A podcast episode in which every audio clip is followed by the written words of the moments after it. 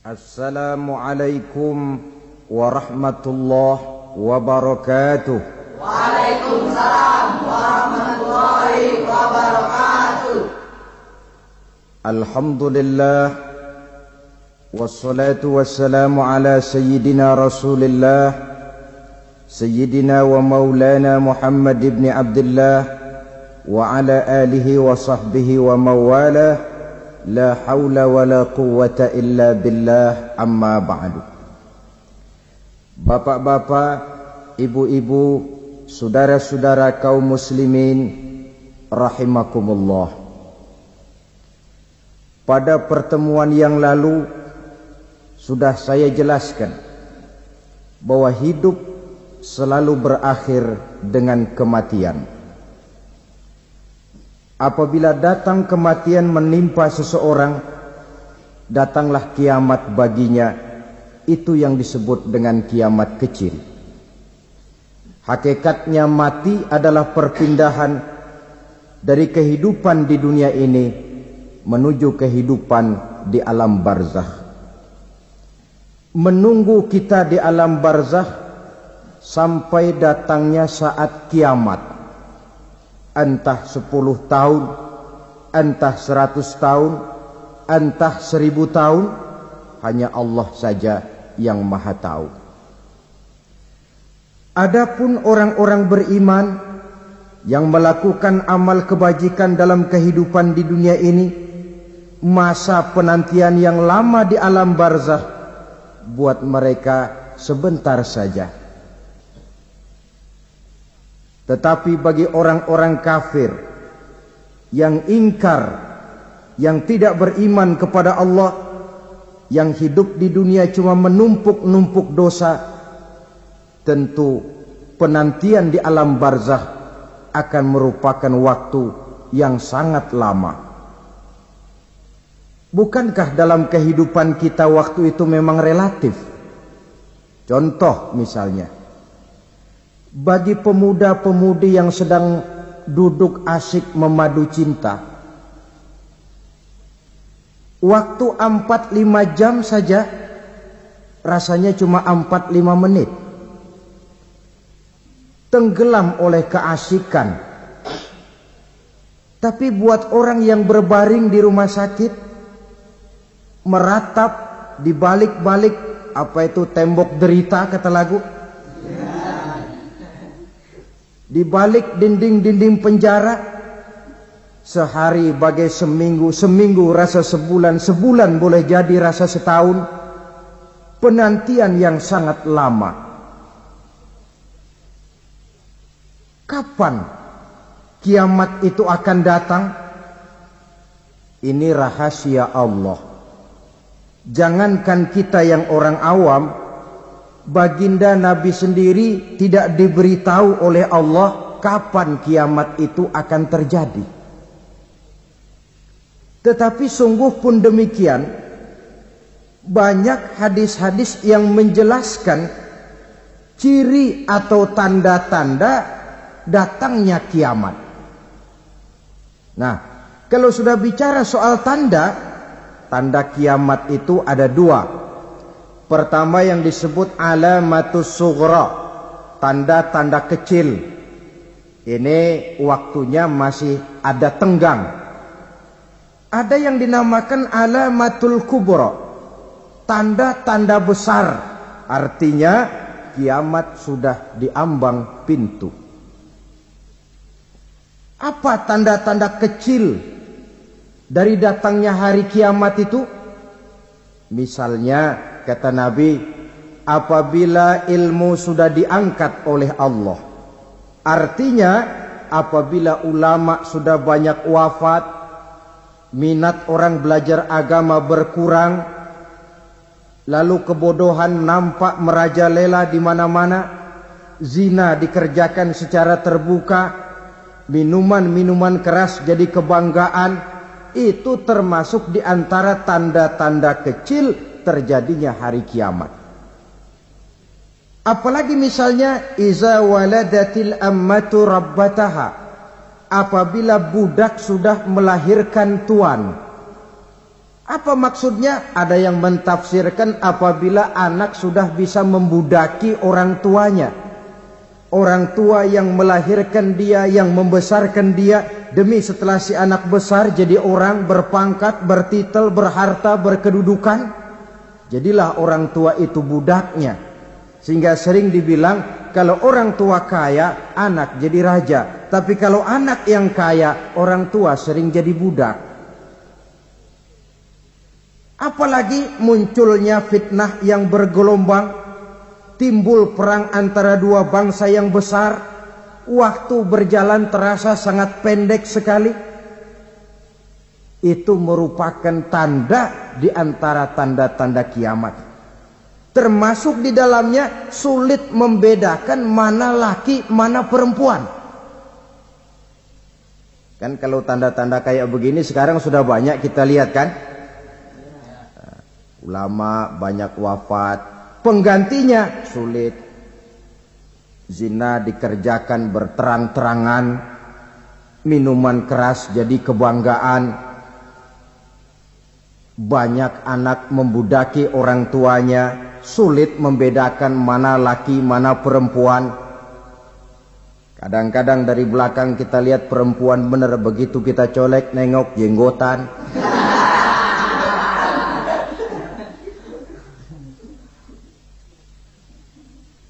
Ini termasuk tanda-tanda kecil. Masih ada tenggang sampai akan terjadinya kiamat itu.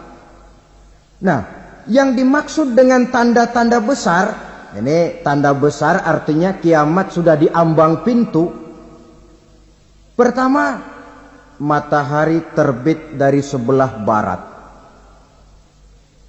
Apabila matahari sudah terbit dari arah sebelah barat, tertutuplah sudah pintu taubat.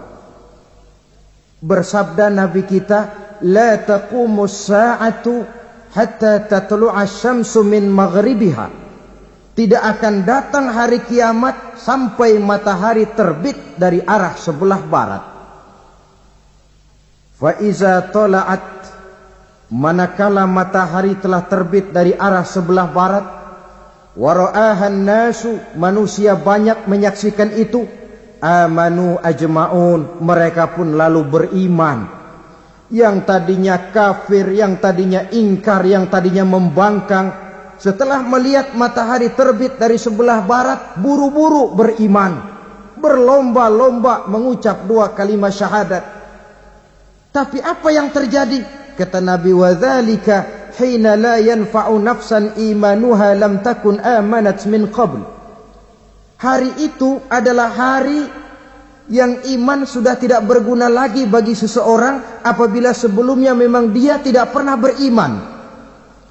Au kasabat fi imaniha khaira atau beriman tetapi tidak pernah melakukan kebajikan di dalam keimanannya itu. Hari yang sudah kasib, hari yang sudah terlambat, beriman tidak akan ada gunanya lagi. Ini pelajaran buat kita. Sebelum sang surya terbit dari sebelah barat, sebelum nafas sampai di tenggorokan, artinya pintu taubat masih terbuka. Kalau dua hal itu sudah terwujud, nafas sudah sampai di kerongkongan atau matahari sudah terbit dari arah sebelah barat, tertutuplah sudah pintu taubat. Tak ada lagi gunanya pangkat, jabatan, harta, bahkan beriman pun dalam suasana macam itu. Too late, kata orang kulon.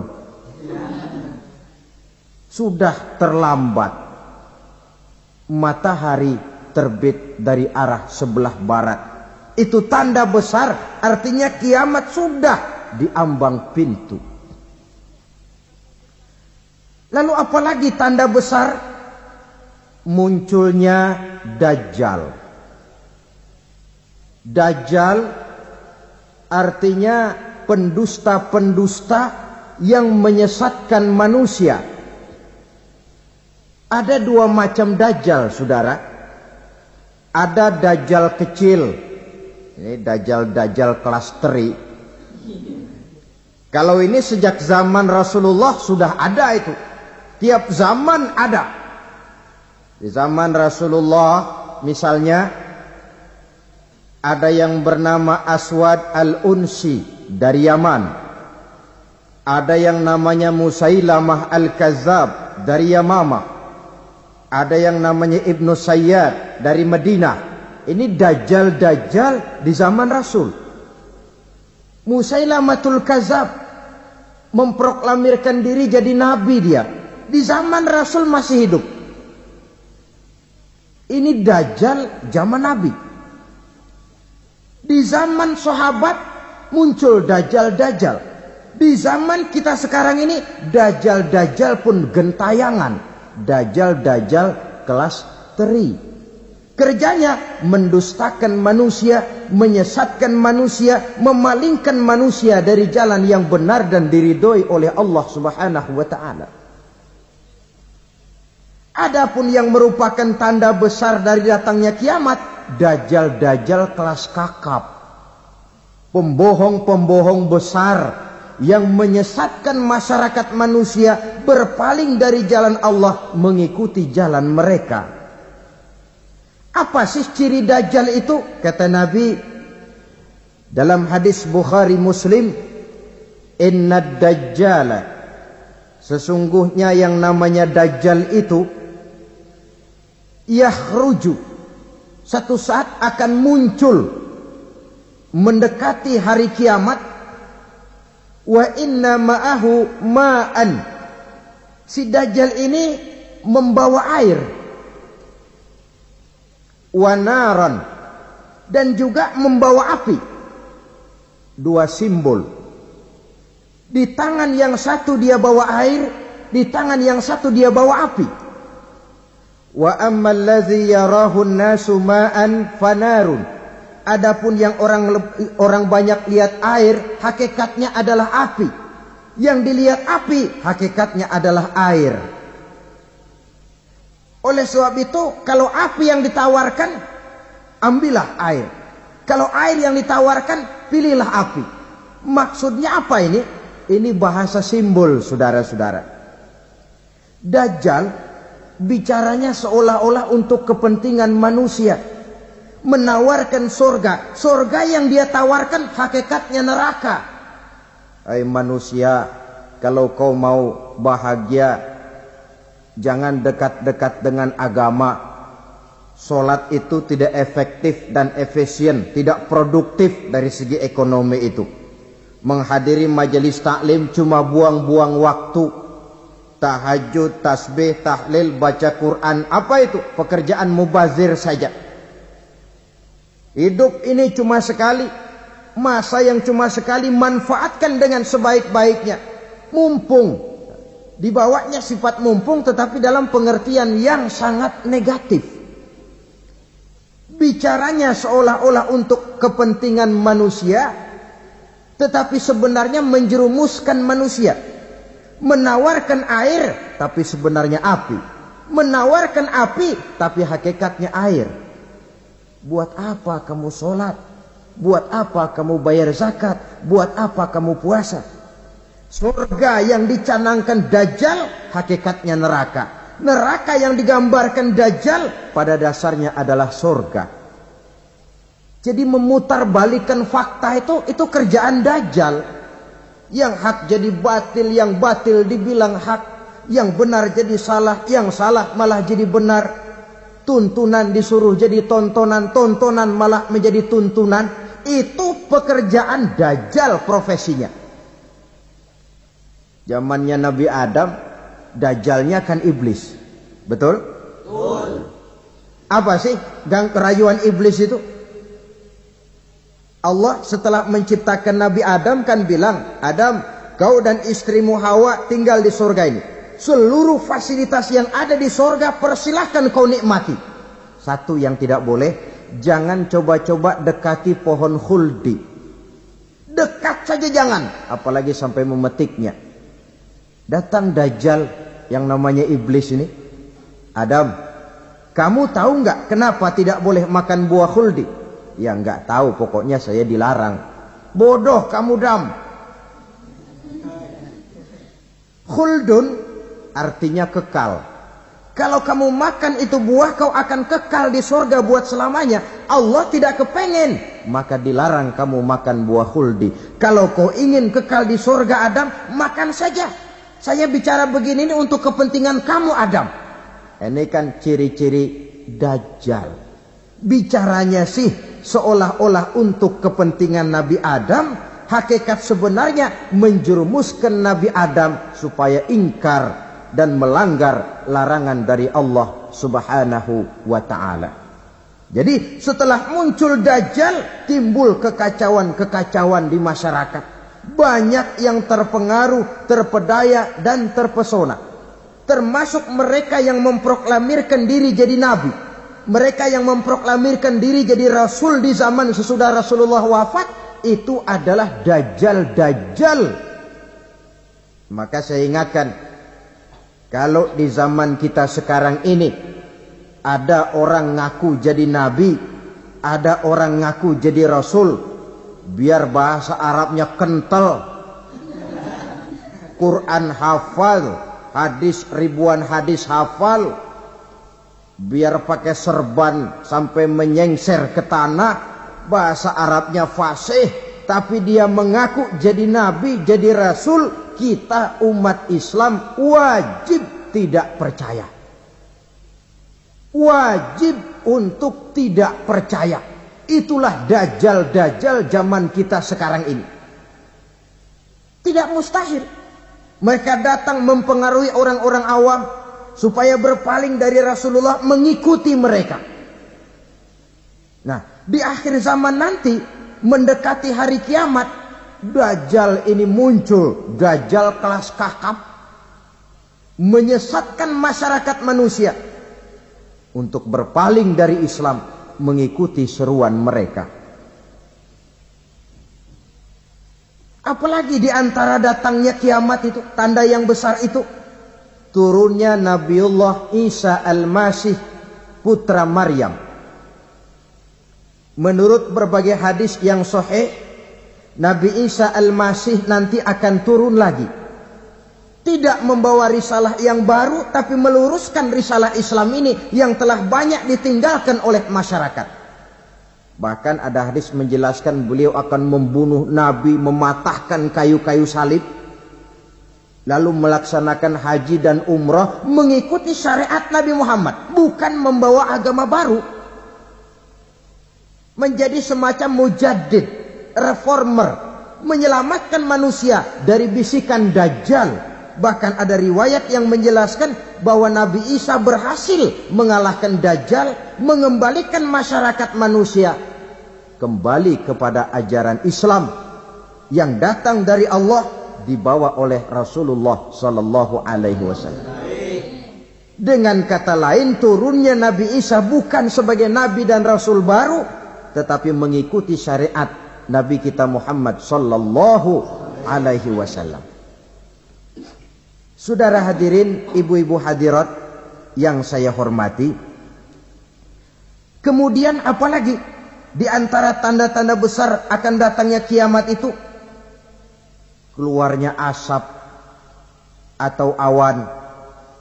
Kata Nabi, "Inna min asrati sa'ah dukhanan yamla'u ma bainal masyriqi wal maghrib." Di antara tanda-tanda kiamat munculnya awan atau asap yang memenuhi antara langit dan bumi. Ini pun diperkuat dalam surah Ad-Dukhan ayat 10. Fartaqib yawma ta'ti as-sama' bidukhanin mubin fayughshan nas hadza azabun alim. Bagi orang-orang yang beriman mereka biasa-biasa saja. Tapi bagi orang kufur datangnya asap dan awan ini merupakan azab yang kelewat pedih. Barangkali sedikit mendekati gambaran tentang azab yang pedih ini. Saya saya apa? Saya ingatkan alam pikiran kita kepada peristiwa yang belum lama terjadi. Pernah dengar berita bocornya reaktor nuklir di Chernobyl, Uni Soviet? Pernah dengar? Bocornya reaktor nuklir di Chernobyl yang mengakibatkan ratusan bahkan sangat mungkin ribuan nyawa. Cuma satu reaktor. Bagaimana kalau seluruh cadangan nuklir yang dimiliki oleh para negara adik kuasa ini diledakkan? Bahkan yang konon menurut catatan cadangan nuklir yang dimiliki bersama oleh Amerika dan Rusia sekarang ini sudah sanggup memusnahkan 6 miliar manusia. Satu setengah kali lebih banyak dari jumlah manusia yang nongkrong di permukaan bumi ini. Saudara-saudara hadirin yang saya hormati, Lalu saat mendekati hari kiamat apalagi tandanya? Setelah Nabi Isa wafat pada saat turunnya yang kedua kali. Lalu Allah meniupkan angin sejuk. Semua orang-orang beriman, orang-orang baik wafat.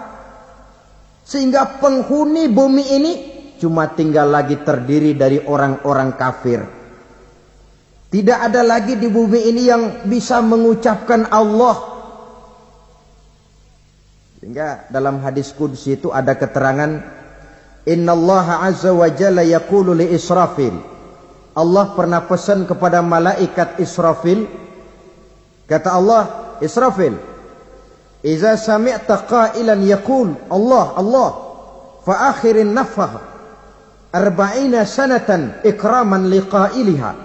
Hai Israfil, apabila kau dengar di permukaan bumi masih banyak orang yang mengucapkan Allah, Allah, maka tunda sangkakala kiamat itu 40 tahun.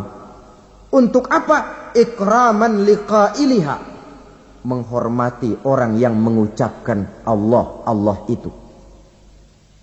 Wah, jadi karena sekarang masih banyak yang mengucapkan Allah, besar hatilah kita masih jauh kiamat itu.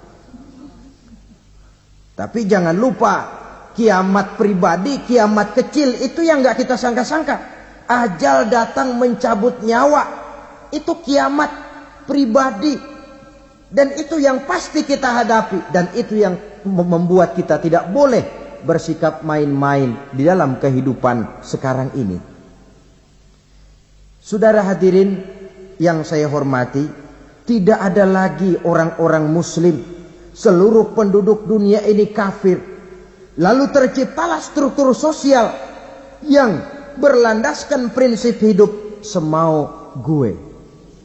Bakal terjadilah prinsip di mana yang kaya menyantap yang miskin, yang kuat menindas yang lemah, Hidup sudah bagaikan di rimba belantara. Berlaku hukum rimba. Siapa yang kuat dia yang menang. Siapa yang lemah menjadi mangsa. Timbul kekacauan. Maksiat merajalela. Munkarat menjadi-jadi.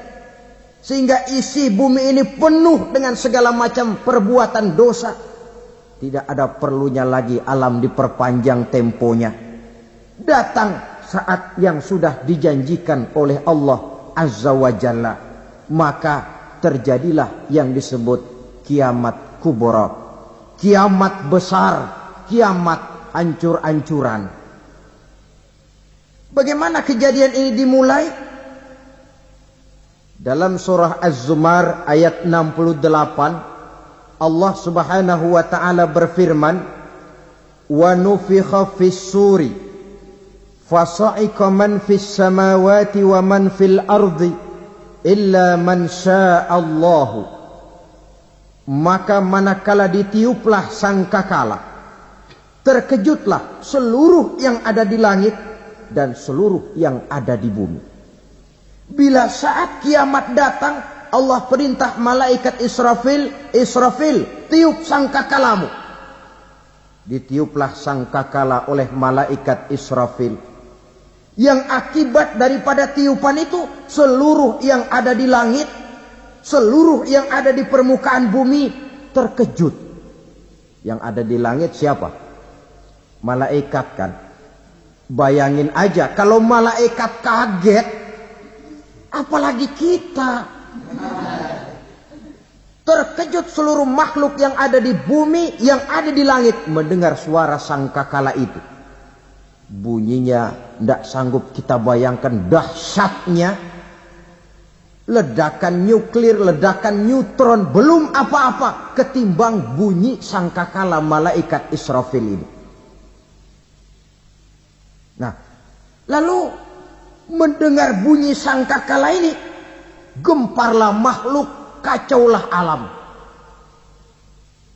Bumi gempa, planet-planet bertabrakan, gunung meletus, air laut tumpah ke darat, angin topan bertiup, halilintar menyambar.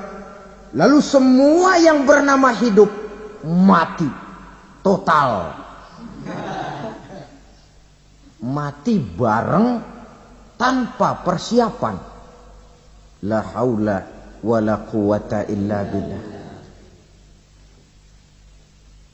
Saya kadang-kadang dalam tafakur bermohon ya Allah mudah-mudahan saya nggak nemuin kiamat beneran.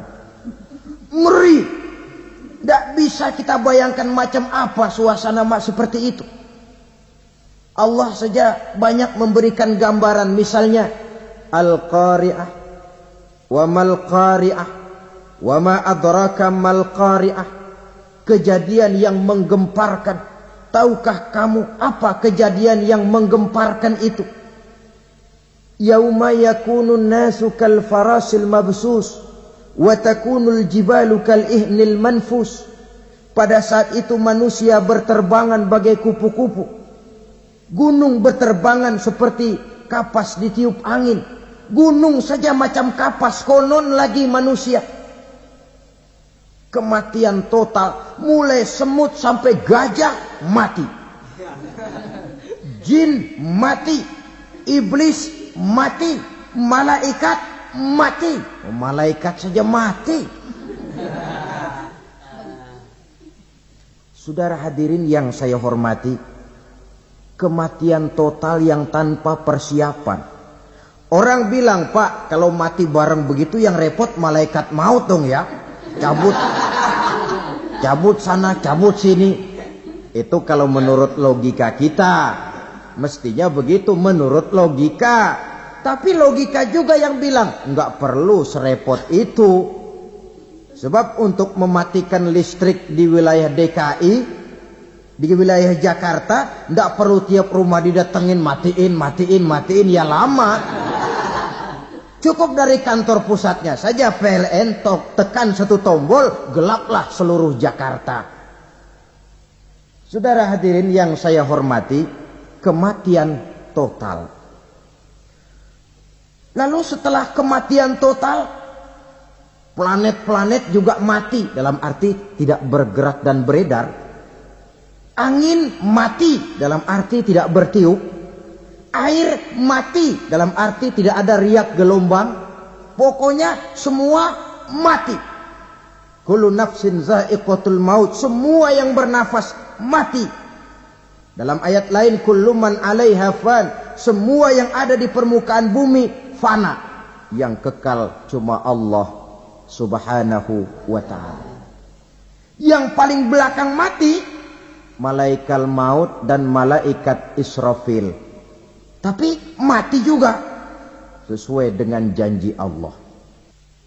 Menurut hadis Bukhari Muslim dari Abi Hurairah masa tenggang waktu antara kematian total pada tiupan sangkakala pertama dengan proses kebangkitan pada tiupan sangkakala kedua 40 lamanya.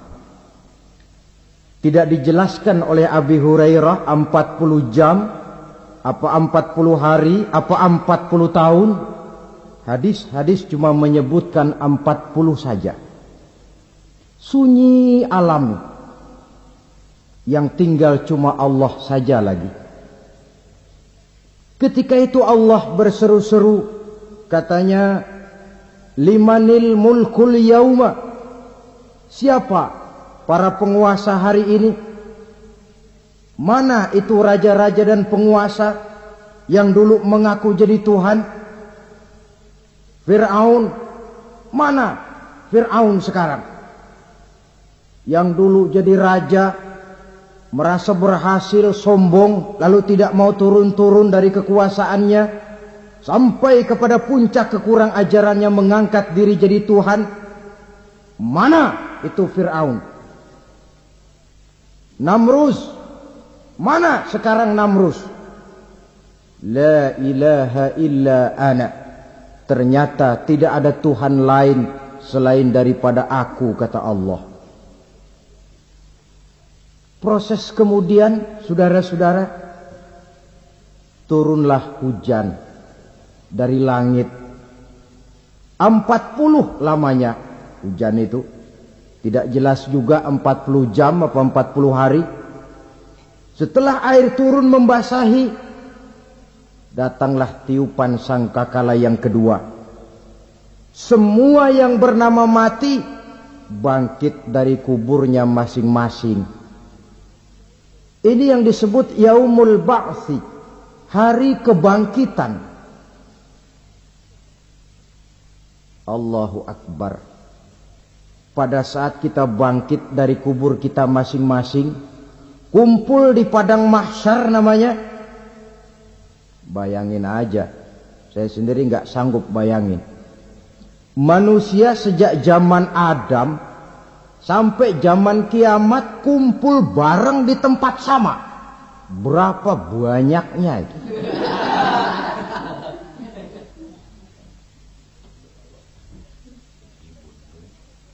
Dan yang luar biasa menurut satu riwayat pada saat bangkit itu Masya Allah Roman muka kita berubah.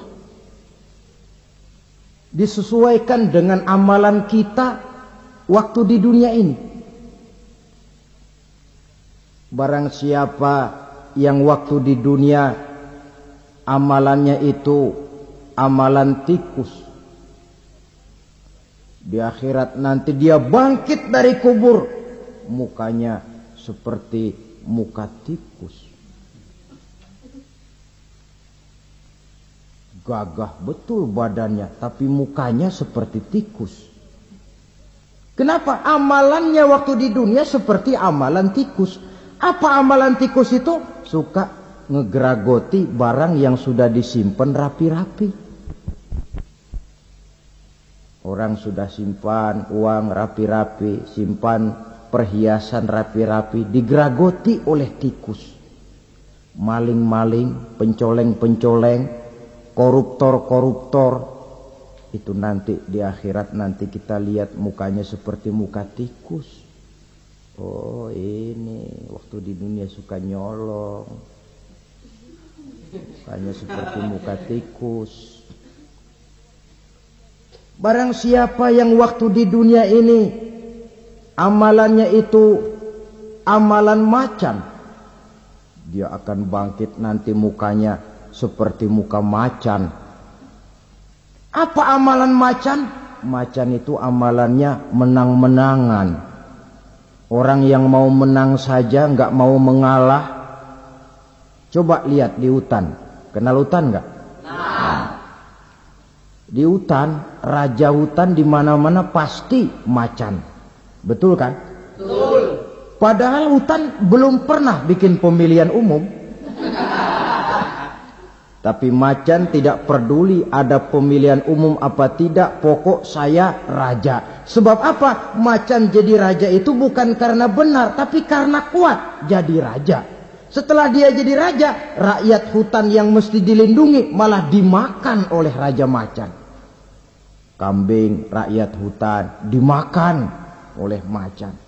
Ayam rakyat hutan dimakan oleh macan. Itu nanti kita lihat di akhirat itu mukanya seperti muka macan gagah betul.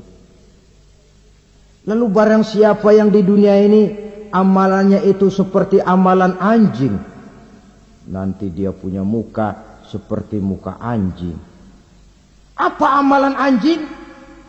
Pertama anjing itu kalau disuruh jaga rumah dia tidak bisa membedakan mana maling mana tamu. Biar yang datang maling kalau bawa tulang anjing kalem. Yang kedua anjing itu akan setia kepada siapa saja yang memberinya roti. Siapa yang memberinya roti itulah majikannya. Apa kata majikannya pasti dia laksanakan. Soal benar atau salah dia tidak peduli. Setelah anjing dapat roti, dia tidak punya pilihan lain kecuali bilang abdi mah kumaha juragan wae aya nama.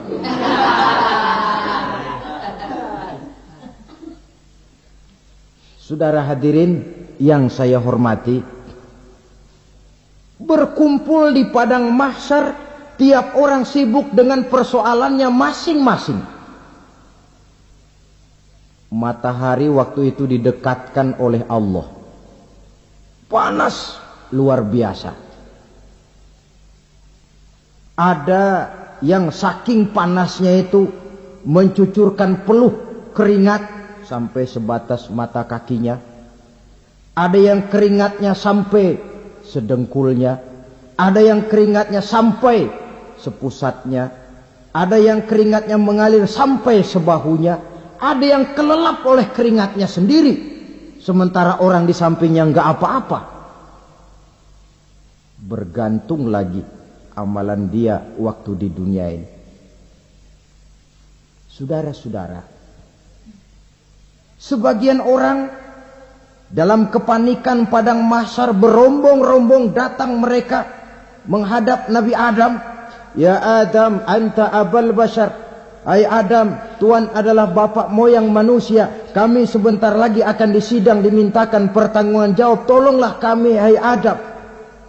Kata Nabi Adam, jangankan nolongin sampean. Saya sendiri tanggung jawab di hadapan Allah ketika dulu tidak boleh makan huldi. Saya serobot. Sudahlah urus diri masing-masing saja nafsi-nafsi. Begitu kata Nabi Nuh, begitu kata Nabi Ibrahim, tiap orang bertanggung jawab sendiri-sendiri. Ketika itulah saudara-saudara nikmatnya menjadi umat Nabi besar Muhammad sallallahu alaihi wasallam. Sebab apa? Walaupun menurut abjad kita ini umat paling belakang, kan paling belakang kita ini toh. Karena Nabi Muhammad adalah nabi akhir tapi akan dihisap lebih dulu. Lewat di atas sirat lebih dulu. Masuk surga lebih dahulu ketimbang umat-umat belakangan. Ketika Rasul mendekati ajal beliau tanyakan itu kepada malaikat Jibril. Malaikat Jibril berkata Muhammad jangan khawatir. Allah sudah berjanji inni haramtul jannata ala sairil anbiya hatta tadkhulaha anta wa haramtuha ala sairil umami hatta tadkhulaha ummatuka surga aku haramkan buat seluruh nabi kecuali kalau engkau Muhammad sudah masuk ke dalamnya. Dan surga aku haramkan buat seluruh umat kecuali kalau umatmu Muhammad sudah masuk ke dalamnya. Logikanya walaupun menurut abjad kita umat paling belakang bakal dihisap paling dulu lewat di atas sirat paling dulu, masuk surga paling dulu, kalau mampir ke neraka juga paling. Ya resiko, resiko. Jangan mau enaknya aja paling dulu. Saudara hadirin yang saya hormati, setelah masa kebangkitan itu jangan dikira begitu bangkit langsung diperiksa masih menunggu menanti ribuan tahun. Perhitungan padang mahsyar. Untuk sampai kepada proses yang disebut yaumul hisab hari perhitungan. Seorang demi seorang bakal dipanggil. Bayangkan saja kita se-RT saja di absen kadang-kadang perlu waktu lama ini manusia sejak zaman Nabi Adam sampai datang hari kiamat. Satu demi satu disidang di hadapan Qadi Rabbul Jalil. Status sosial copot sudah waktu itu. Yang pernah jadi hartawan di situ tidak lagi kelihatan kehartawanannya. Yang pernah jadi jenderal tidak lagi dipanggil jenderalnya. Yang ustadz tidak lagi dipanggil al-mukarramnya. Seluruh status sosial selesai dipanggillah kita seorang demi seorang menghadap Qadi Rabbul Jalil. Bagaimana proses penghisaban itu? Pertama proses tanya jawab. Di antaranya ada hadis menyatakan lan tazula qadama 'abdin yaumal qiyamah hatta yus'ala an arba'i khisalin. Besok di hari kiamat tidak akan bergeser telapak kaki seorang hamba sampai dia ditanya lebih dulu tentang empat persoalan. Tentang ilmunya. Ke mana ilmu itu diamalkan? Tentang umurnya di mana umur itu dihabiskan? Tentang masa mudanya. Ke mana masa muda itu dipakai? Tentang hartanya. Dari mana harta itu didapat dan ke mana harta itu dibelanjakan. Ini termasuk proses tanya jawab. Jadi kalau istilah pengadilan dunia, nama Pulan bin Pulan. Kamu waktu di dunia diberikan umur panjang untuk apa? Pernah mengalami masa muda, ke mana kau habiskan masa remajamu? Kau diamanahkan ilmu, dengan apa ilmumu kau amalkan? Kau diberikan harta, dari mana harta kau dapat, ke mana kau belanjakan? Tak seorang pun yang bisa mungkir. Sebab apa? Dikala itu yang menjadi saksi bukan orang. Yang menjadi saksi adalah seluruh anggota badan kita tangan bicara, kaki jadi saksi terhadap seluruh amalan yang akan yang pernah kita kerjakan pada saat kehidupan di alam dunia ini. Selesai proses tanya jawab, lalu diperlihatkan buku catatan kita waktu hidup di dunia ini. Jangan lupa Allah itu menyiapkan dua superkomputer kepada kita sebelah ditempelin sebelah kanan, yang sebelah tempelin di sebelah kiri. Komputer itu namanya Raqib dan Atid. Dua malaikat yang apabila baik kita lakukan, refleks saja akan menulis kebajikan kita. Jahat kita kerjakan akan tertulis. Catatan itu nanti diperlihatkan kepada kita. Waduh, alangkah malunya pada saat diperlihatkan catatan kita, buku rapot kita, merah melulu. Barangkali diperiksa sambil diomelin, brengsek lo. Buku merah melulu begini bagaimana waktu hidup di dunia. Tidak cukup diperlihatkan buku catatan kehidupan, rekaman kehidupan rekaman kehidupan kita secara utuh sejak terlahir sampai ajal datang merenggut nyawa. Barangkali mirip dengan video sekarang ini. Di mana terekam dengan baik seluruh kegiatan kita sejak yang sekecil-kecilnya sampai kepada yang sebesar-besarnya. Untuk kemudian kita pun menerima balasan In khairan fa khairun wa in syarran fa syarrun. Kalau baik ya baik balasannya, kalau jahat ya jahat juga balasannya. Catatan-catatan kita diberikan. Kalau banyak kebajikannya diberikan di tangan kanan dengan cara yang halus. Kalau banyak kejahatannya diberikan dari sebelah kiri atau dilempar dari belakang. Itulah sebabnya sejak di dunia ini kita sudah mohon kepada Allah ketika berwudu membasuh tangan kanan apa kita bilang? Allahumma a'tini kitabi biyamini wa hasibni hisaban yasira. Ya Allah berikan saya kitab di tangan kanan dan kalau saya memang perlu dihisap hisaplah saya yang seringan-ringannya. Tangan kiri berlindung kita kepada Allah. Jangan sampai diberikan kitab di tangan kiri atau dari arah sebelah belakang. Wa a'udzubika an tu'tiya kitabi bishimali au min warai zuhri dari arah sebelah belakang naudzubillah min zalik. Setelah selesai lewat proses penghisab, penghisaban, lewat mizan, timbangan, maka yang sudah selesai dihisab itu bergeraklah menuju sirat jembatan yang terbentang menuju surga melalui neraka. Saudara-saudara, panjangnya perjalanan sirot itu memakan waktu ratusan tahun. Tetapi orang yang lewat di atas sirat pun macam-macam bergantung amalannya ketika di dunia ini. Ada yang lewat di atas sirat itu kal barkil khatib. Seperti kilat yang menyambar. Lep, sudah sampai dia di surga. Cepat bukan main. Ada yang lewat di, di atas sirat itu seperti orang lari-lari ada yang lewat di atas sirat itu seperti orang jalan biasa. Ada yang sambil merangkak. Ada yang sambil ngesor. Ada yang sambil gelayutan.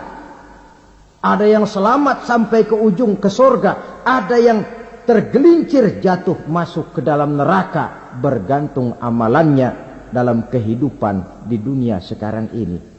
Tiap kita akan melewati yang namanya sirat ini. Saudara-saudara kaum muslimin yang saya hormati.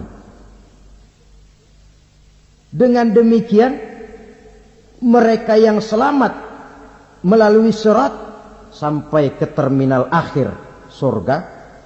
Mereka yang ketika dihisap ternyata banyak kejahatannya daripada kebaikannya. Mereka singgah di dalam neraka.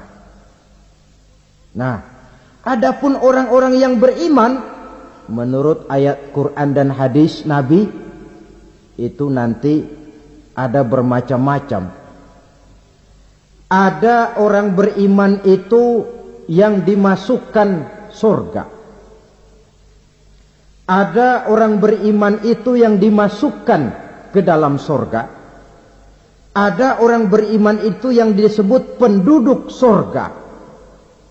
Kenapa lain-lain pak? Karena waktu di dunia amalannya juga lain-lain. Ada orang beriman yang masuk surga. Ini paling murah tiketnya. Mau masuk surga? No. Kata Nabi begini.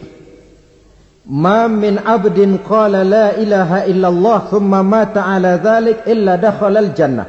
Kalau seorang hamba sudah mengucap dua kalimat syahadat, dia yakin dengan kebenaran kalimat itu sampai matinya, orang itu akan masuk surga. Abizar yang waktu itu diajak bicara heran, ya Rasul kok gampang betul? Iya. Walaupun orang itu mencuri, iya. Walaupun orang itu berzina, iya. Biar dia mencuri, biar dia berzina. Kalau dia sudah mengucap dua kalimat syahadat, dia yakin dengan kebenaran kalimat itu sampai matinya. Itu orang akan masuk surga. Jadi masuk surga cukup dua kalimat syahadat. Yakin sampai mati. Masuk surga. Itu perkara masuk. Tapi kalau pertanyaannya diterusin, masuknya kapan pak? Nah, ini lain lagi urusannya. Sebab ada yang masuknya itu langsung, ada yang mampir dulu. Di sana tempat cuma dua. Kalau tidak surga, neraka. Mau ke surga, tapi mampir dulu. Yang mampirnya jelas di neraka. Kenapa? Dalam hadis kudsi ada riwayat. Nanti itu di akhirat setelah Allah selesai mengatur penduduk surga masuk surga yang neraka masuk neraka, Allah berkata kepada malaikat Malik, "Eh, malaikat Malik, lah baik ya Allah. Itu bajingan-bajingan tengik, manusia-manusia durjana yang waktu di dunia tidak mau sujud, jauh dari ulama, gemar melakukan yang munkarot dan maksiat, hidup di tengah masyarakat selalu jadi bibit keonaran." Kufur, sudah masuk neraka semua? Sudah ya Allah. Nah, kalau sudah, coba sekarang kamu masuk Malik. Saya. Iya. Masuk neraka. Mau apa ya Allah? Kata Allah, akhriju minan nar man kana fi qalbihi misqala habatin min khardalin min iman. Kau masuk neraka, cari di dalam neraka orang-orang yang ada imannya walaupun kecil sebesar biji zarah angkat mereka keluar. Masuk malaikat malik ke neraka. Cari orang yang ada imannya korek-korek. Ya repot udah pada gosong. Yang ada imannya diangkat ke atas, yang ada imannya diangkat ke atas. Lalu dimandikan di Nahrul Hayat namanya sungai kehidupan di akhirat nanti. Cakep lagi rupanya, bersih lagi wajahnya, apel di hadapan Allah. Kata Allah, bagaimana mas? Kapok nggak sampean? Kapok ya Allah. Nah, kalau kapok idhab fadkhulil jannah. Pergi, masuk surga sana. Berangkat mereka ke surga.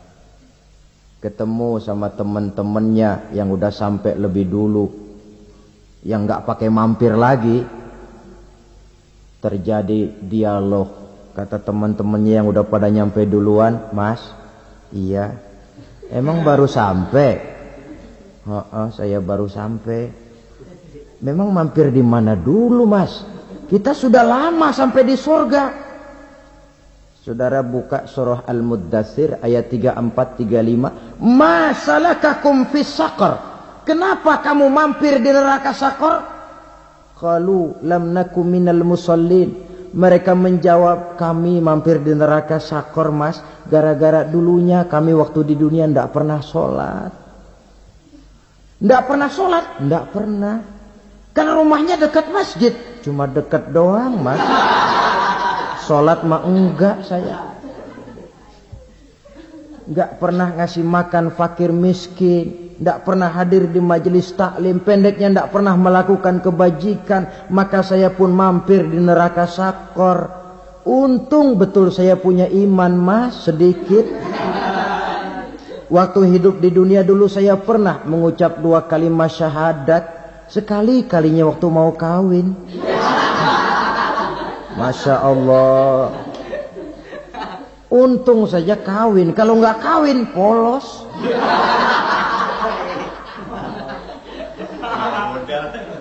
Itu juga pengulu sudah setengah mati ngajarin. Ashadu ala, asyaduaan, asyaduaan.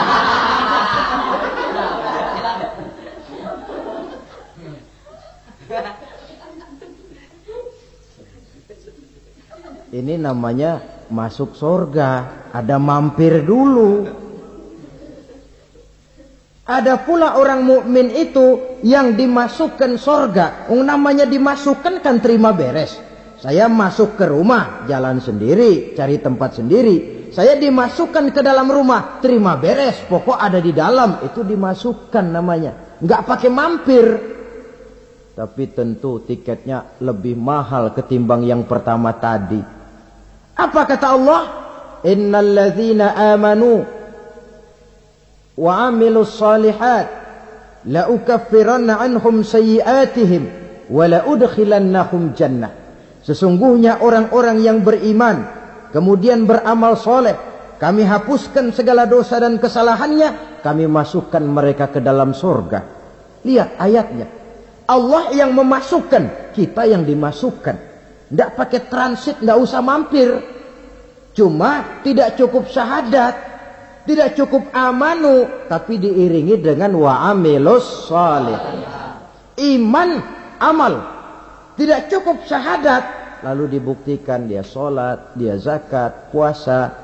Lalu dia melakukan berbagai macam kebajikan. Ini yang menyebabkan dia tidak pakai mampir di tempat yang bernama sakor. Lalu ada pula orang mukmin itu yang disebut penduduk sorga. Wah ini sudah VIP ini. Ashabul jannah. Penduduk sorga. Siapa mereka? Kata Allah. Innal ladhina amanu summa istaqamu. Fala khawfun alaihim walahum yahzanun. Ulaika ashabul jannah. Hum fiha khalidun.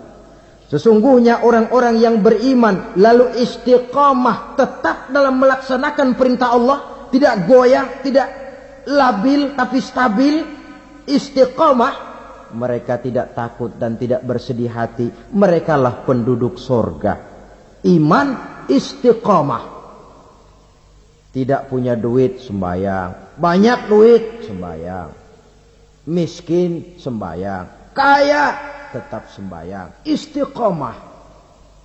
Kadang orang kalau susah rajin ke masjid. Banyak duitnya ngelihat masjid melengos. Itu yang dibilang waktu miskin hamba Allah, setelah kaya jadi hamba harta.